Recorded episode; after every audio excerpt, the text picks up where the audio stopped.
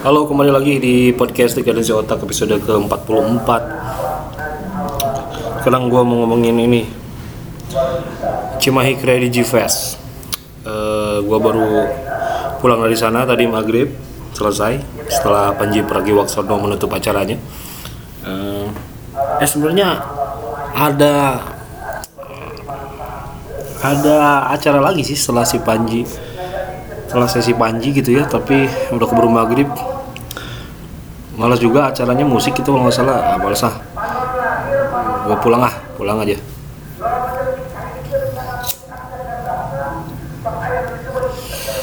Uh, kan gue orangnya mageran ya. Wah mager banget gue orangnya.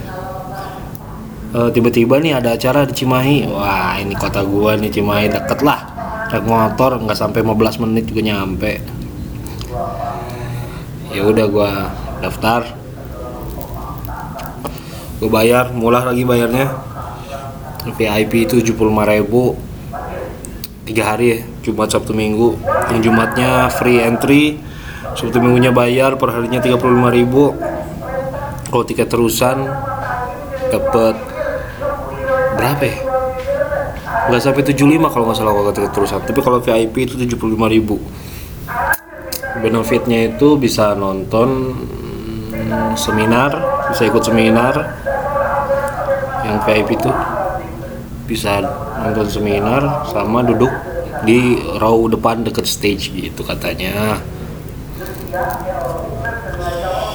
Gue tertarik ikutan datang acara ini tuh karena judulnya itu apa ya industri 4.0 pokoknya. 4.0 4.0an gitu. Gua kan lagi puber puber puber digital nih ya puber ngoding gua. Ya kayak gitu gitu ya dateng lah supaya dapat ya nama informasi aja sih pengen tahu aja. Cimahi bisa apa sih dengan acara-acara kayak gini gitu ya? Soalnya Cimahi itu ya dulu mah cuman kalau di monopoli tau nggak lo? Monopoli ya Cimahi itu uh, kayak penjara hanya lewat tau nggak lo? Uh, uh, hanya lewat doang. Cuman numpang lewat doang cuma itu. Nggak nggak ada tempat singgahnya kalau dulu tuh apa coba yang bisa dilihat dari Cimahi? Dulu mah Cimahi itu sepi. Cuman gua kecil tuh ya cuma itu sepi. Nggak ada tempat mainnya. Apaan? Nggak rame lah pokoknya. Mulai sekarang sekarang aja nih. Mulai ada ada ada acara-acara gitu ya setelah Cimahi jadi kota gitu. Sekarang udah berapa tahun Cimahi ini? Kota 18 tahun kalau salah. Mudah banget men 18 tahun jadi kota. Banding sama Bandung yang udah beratus-ratus tahun itu.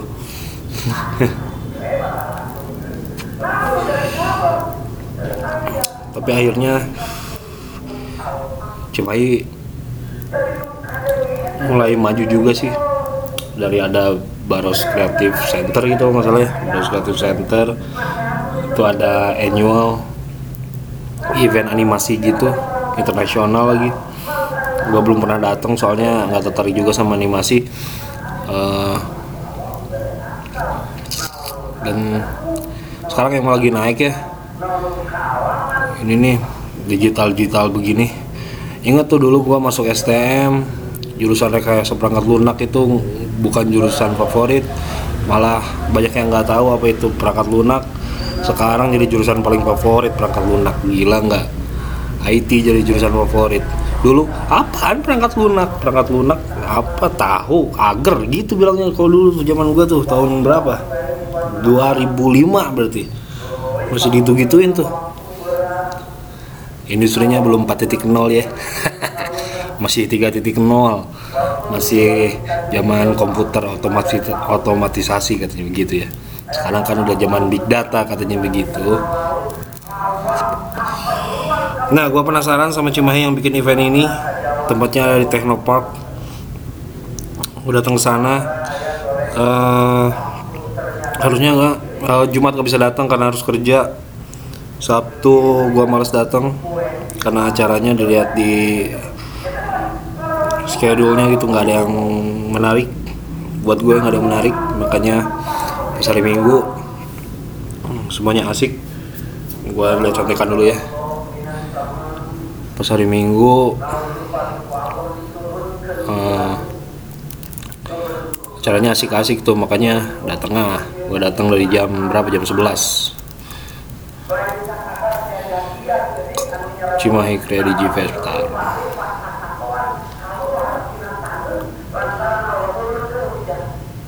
jadi yang gue ikutan itu DJ set gue nggak ikutan ngapain nonton nonton DJ nggak penting.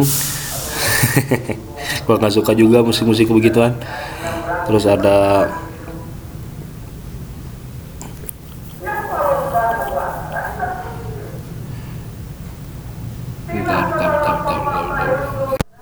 Oh ya tajuknya Krea Digifest itu Indonesia Facing Digital Industry 4.0 Anjing keren gak tuh? Gila ya. Jadi gua tadi ngikutin Personal Value in Industry 4.0 oleh Mas Pujo Setiadi sama Adnan dari Universitas Muhammadiyah Bandung.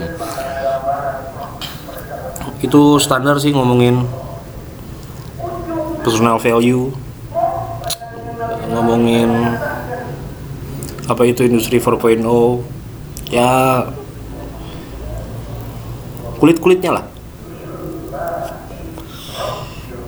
Kurang ini juga sih gua kurang merhatiin juga baru dateng masih mencoba menyamakan frekuensi dengan atmosfer atmosfer di sekitar anjing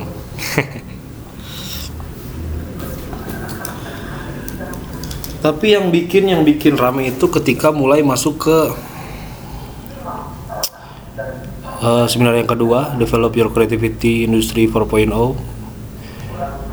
yang di pematerinya itu adalah CEO Assembler Studio sama Alpha ini keren nih.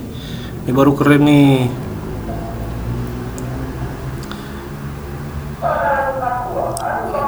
assembler itu pematerinya namanya apa ya? Ya.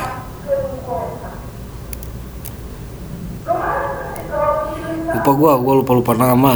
Pernah di ini gua.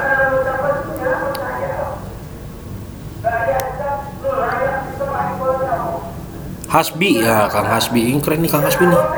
Keren keren nih. Dia itu fokusnya ke augmented reality. Augmented reality dengan produknya bisa di download di App Store atau di Google Play. Assembler ASSMBLR uh, sebelum di Assembler dia di Octagon Studio. Uh, produknya dia udah dipakai sama NASA coba gila. NASA men anjing atau dipakai kartu nyoba doang. Terus nasanya UK itu apa namanya ya? Gua cari dulu ya. UK Space Agency.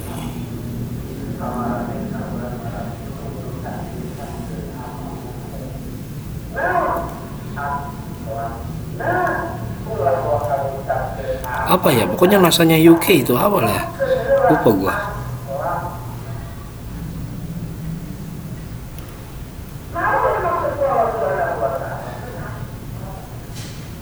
itulah pokoknya ya. Dipakai sama itu. Dipakai sama WWF juga. WWF binatang ya bukan WWF Smackdown. Untuk edukasi. BBC juga terus dipakai sama Mark and Spencer juga. Anjing gila nggak? Karya anak bangsa tuh mon. Bro maksudnya gua mau bilang bro. Anak bangsa anjing wah keren. Dia udah ngulik uh, dia ngulik augmented reality itu dari tahun 2009 2009 itu berarti Iron Man pertama aja 2008 ya. Dia berarti kayaknya tumbuh pertama bersama Tony Stark ya? Iya. Uh, dan uniknya si Kang Hasbi ini bilang uh, kan kalau AR atau augmented reality ini sekarang belum masif gitu ya penggunaannya masih dipakai sama enterprise enterprise besar sama Google, Apple, Microsoft gitu untuk kalangan mereka gitu karena harganya masih mahal banget. Nah dia bikin yang versi ekonomisnya gitulah quote and quote oke okay? Ekonomisnya bisa dipakai oleh semua orang dan semua orang juga bisa bikin 3D objeknya gitu untuk diaplikasikan di AR-nya uh, makanya dia bikin bikin aplikasi bikin platform gitu assembler biar semua orang bisa pakai gitu. Nggak hanya company-company gede aja.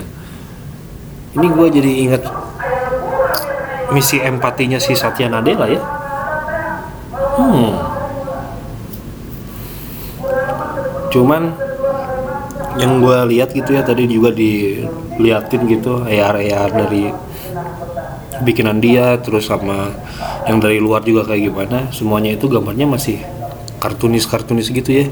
Masih kartun masih animasi banget itulah ya. Mungkin beberapa tahun ke depan gambarnya udah bisa jadi real gitu. Anjing keren banget ya. Jadi real terus ya memang sih kata menurut Kang Hasbi juga teknologi smartphone itu sekarang udah ada di puncaknya. Nggak bisa lagi ada yang di upgrade paling ya upgrade upgrade kamera upgrade RAM gitu nggak ada inovasi yang lebih ada lagi buat apa. Dan mungkin akan bergerak maju ke glasses mungkin kayak gitu. Uh, kayak Microsoft HoloLens gitu. Biar kita bisa megang-megang si AR-nya kayak Tony Stark yang lagi bikin Iron Man anjing dipegang-pegang gitu. Uh, apa aja ya?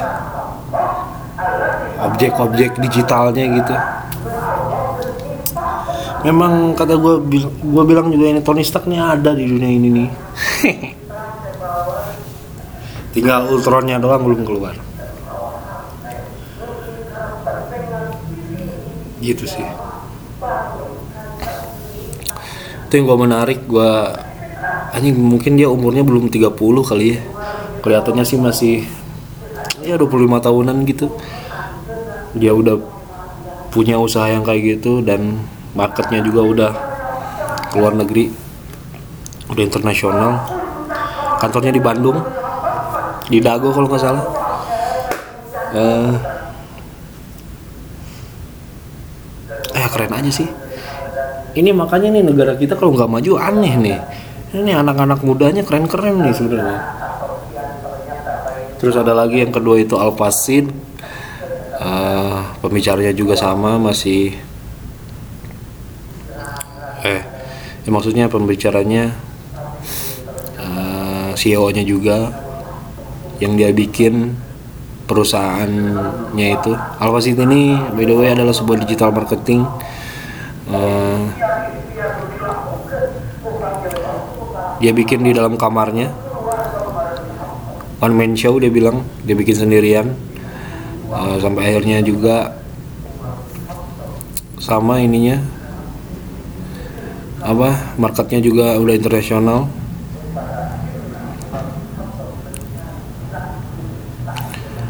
Anjing keren banget lah. Ntar gue nyari siapa namanya yang dari Alpha tadi ya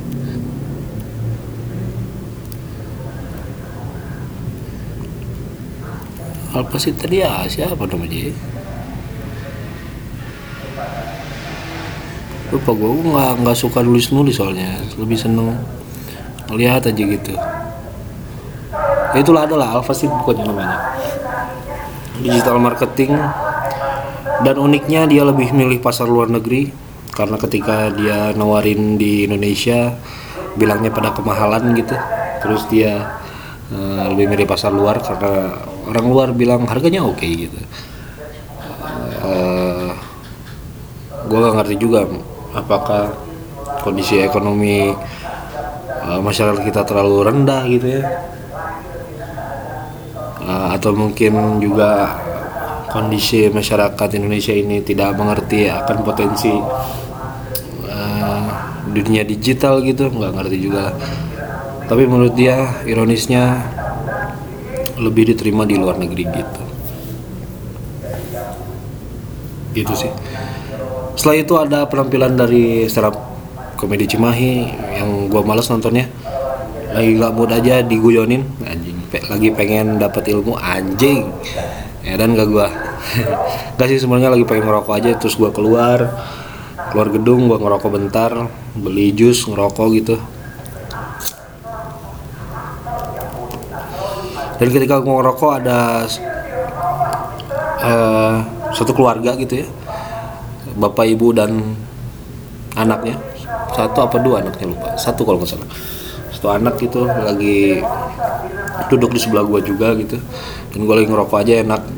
Di situ ada dengerin podcast teh atau kopi yang ternyata sudah mengeluarkan episode baru. Welcome back teh atau kopi udah lama nih gua nungguin episode baru deh dari teh atau kopi dan akhirnya keluar juga.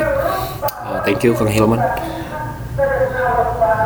Eh, ya keluarga yang tadi duduk sebelah gua gitu ya.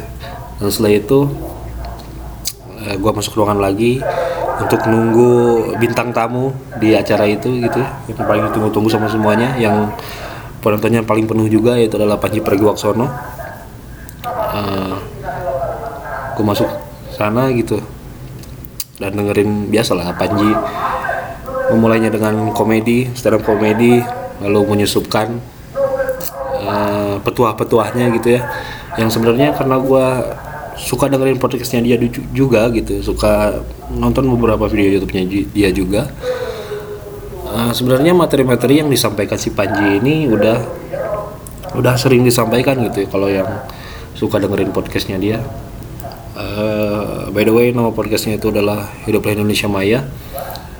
Terus di video YouTube-nya juga nggak jauh beda lah sama kayak gitu-gitu.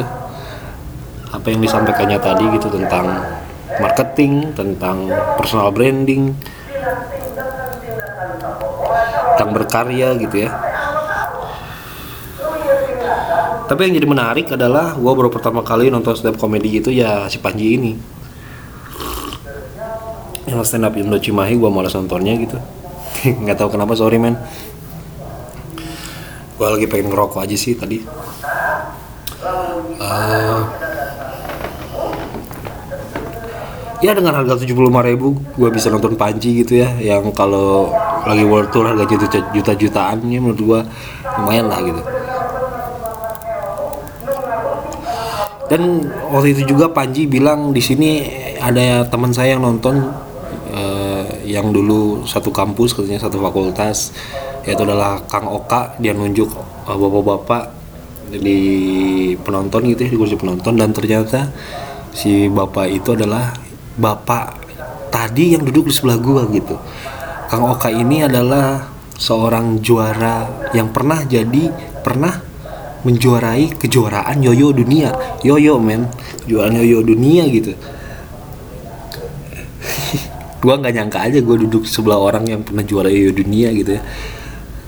Harusnya nih ya harusnya rasanya itu sama kayak duduk di sebelah siapa?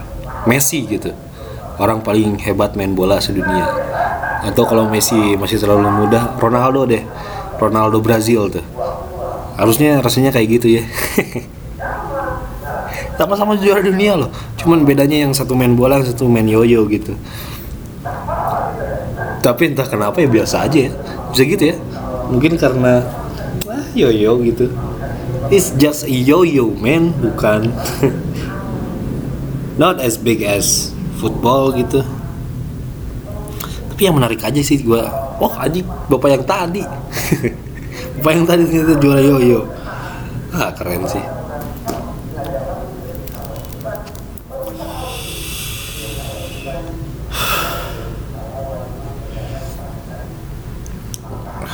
apalagi ngomong apa lagi ya? udah segitu kali ya. Nggak nyangka aja sih ini. Cimahi bisa ngeluarin bisa bikin acara dengan pematerinya yang bagus-bagus sih kalau kata gue ya di hari terakhir ini karena gue cuma nonton di hari ini gitu dua hari sebelumnya di hari Jumat sama Sabtu gue nggak bisa nonton. Nontonnya baru hari Minggu sekarang. Pematerinya bagus-bagus. Eh, walaupun eh, ada startup expo-nya juga tapi booth-boothnya semuanya pada sepi gitu ya. Gue juga jadi canggung mau deketin boothnya gitu. Ini beneran expo apa bukan gitu ya. Soalnya sebenarnya yang datangnya juga gue pertama datang ke Technopark itu ya. Saya datang anjing sepi gini gila ini acara. Wah nggak rame nih gue udah udah curiga aja nih. Anjing ya sepi gitu. Parkir masuk gedung anjing sepi gini gila sepi gitu cuy emang sih yang nonton seminar ya juga cuma berapa orang bisa nggak sampai cepet kali.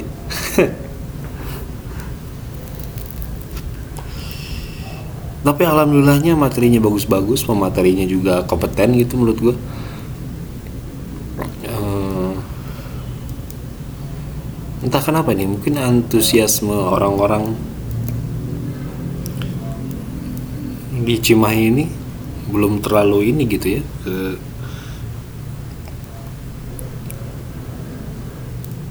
ke dunia digital belum terlalu semangat gitu ya. Atau mungkin ah hari minggu mendingan libur gitu ya. Ntar besok harus masuk kerja gitu daripada ikutan gini-gini mendingan di rumah gitu. Dan uniknya lagi kayaknya eh, yang seumuran gua itu bisa dihitung jari men yang datang itu anak-anak SMK anak-anak ya anak-anak SMK SMA gitu. Terus anak-anak kuliah yang udah kerja kayak gua yang udah tua kayak gua cuman beberapa orang. Jadi gua asa kayak aneh sendiri aja gitu pas pertama masuk. Anjing anak muda semua gila. Gua tua sendirian gitu. Tapi kerennya anak muda anak muda Cimahi ini antusias gitu. Mereka banyak nanya juga Eh, ya gua optimis sih Cimahi bakal maju kalau kayak gini. Para milenial ini gitu ya.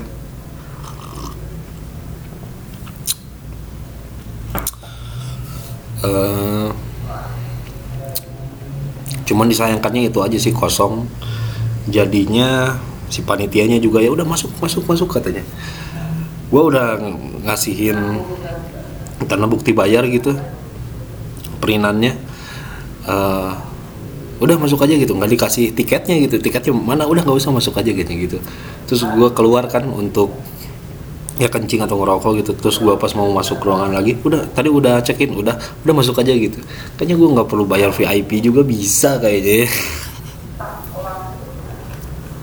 aduh tapi eh, ya nggak masalah sih bagus. Nggak masalah sih soalnya eh, pematerinya bagus-bagus. Menurut gua loh menurut kacamata orang awam yang lagi puber ngoding yang lagi puber digital kayak gua eh, itu menarik. Melihat anak-anak muda yang jadi pemateri gua kira orang yang jadi pemateri itu umurnya eh kalau nggak sebaya sama gua lebih muda dari gue gitu kecuali Panji Pragiwaksono doang yang lebih tua dari gue. Yang lainnya masih muda. Keren sih gue liatnya gitu. Dulu gue muda ngapain ya? Gue jadi mikir situ. Eh, ya segitu aja sih. Credit Fest semoga ada lagi gitu ya. Gue senang sih buat orang yang mager kayak gue ngadain di kota gue sendiri gitu eh gue pasti datang kalau jadwalnya enak dan jaraknya dekat. Kalau jaraknya jauh gue mikir-mikir lagi men. Eh, udah segitu aja buat kredit G-Fest. Terus gue juga tadi baru beres ngoding bikin paginasi pakai MVC akhirnya berhasil walaupun lu lihat tengok GitHub gua mungkin kodenya aneh banget ini apaan sih? Kalau logikanya kayak gini bodoh yang penting paginasi gua jalan. Karena nugrah.club gua mau gua update lagi pakai yang MVC ini gitu ya karena yang sekarang masih prosedural. Ntar bakal gua deploy. Deploy bener gak sih istilahnya? Deploy yang MVC ini gitu biar keren. Habis ini kayaknya web programming Unpas lagi ngeluarin tutorial Laravel mungkin gua bakal ikutin dulu itu. Eh, atau mau belajar JavaScript lagi gue nggak tahu. Tapi kayaknya Laravel dulu deh biar bisa nyambung ke PHP gitu ya Eh,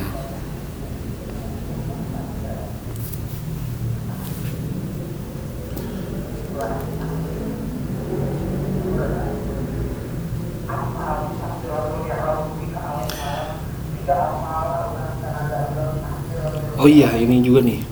Gua kan sekarang lagi baca Harry Potter ya. Anehnya nih, gua akhir-akhir ini baca Harry Potter tuh jadi mikirin kayaknya yang nyiptain magic gitu ya, nyiptain sihir itu kayaknya ngerti ngerti algoritma, ngerti programming gitu. Soalnya bayangin ya, untuk ngeluarin suatu mantra gitu. Halo Homora misalkan atau Wingardium Leviosa gitu itu pasti ada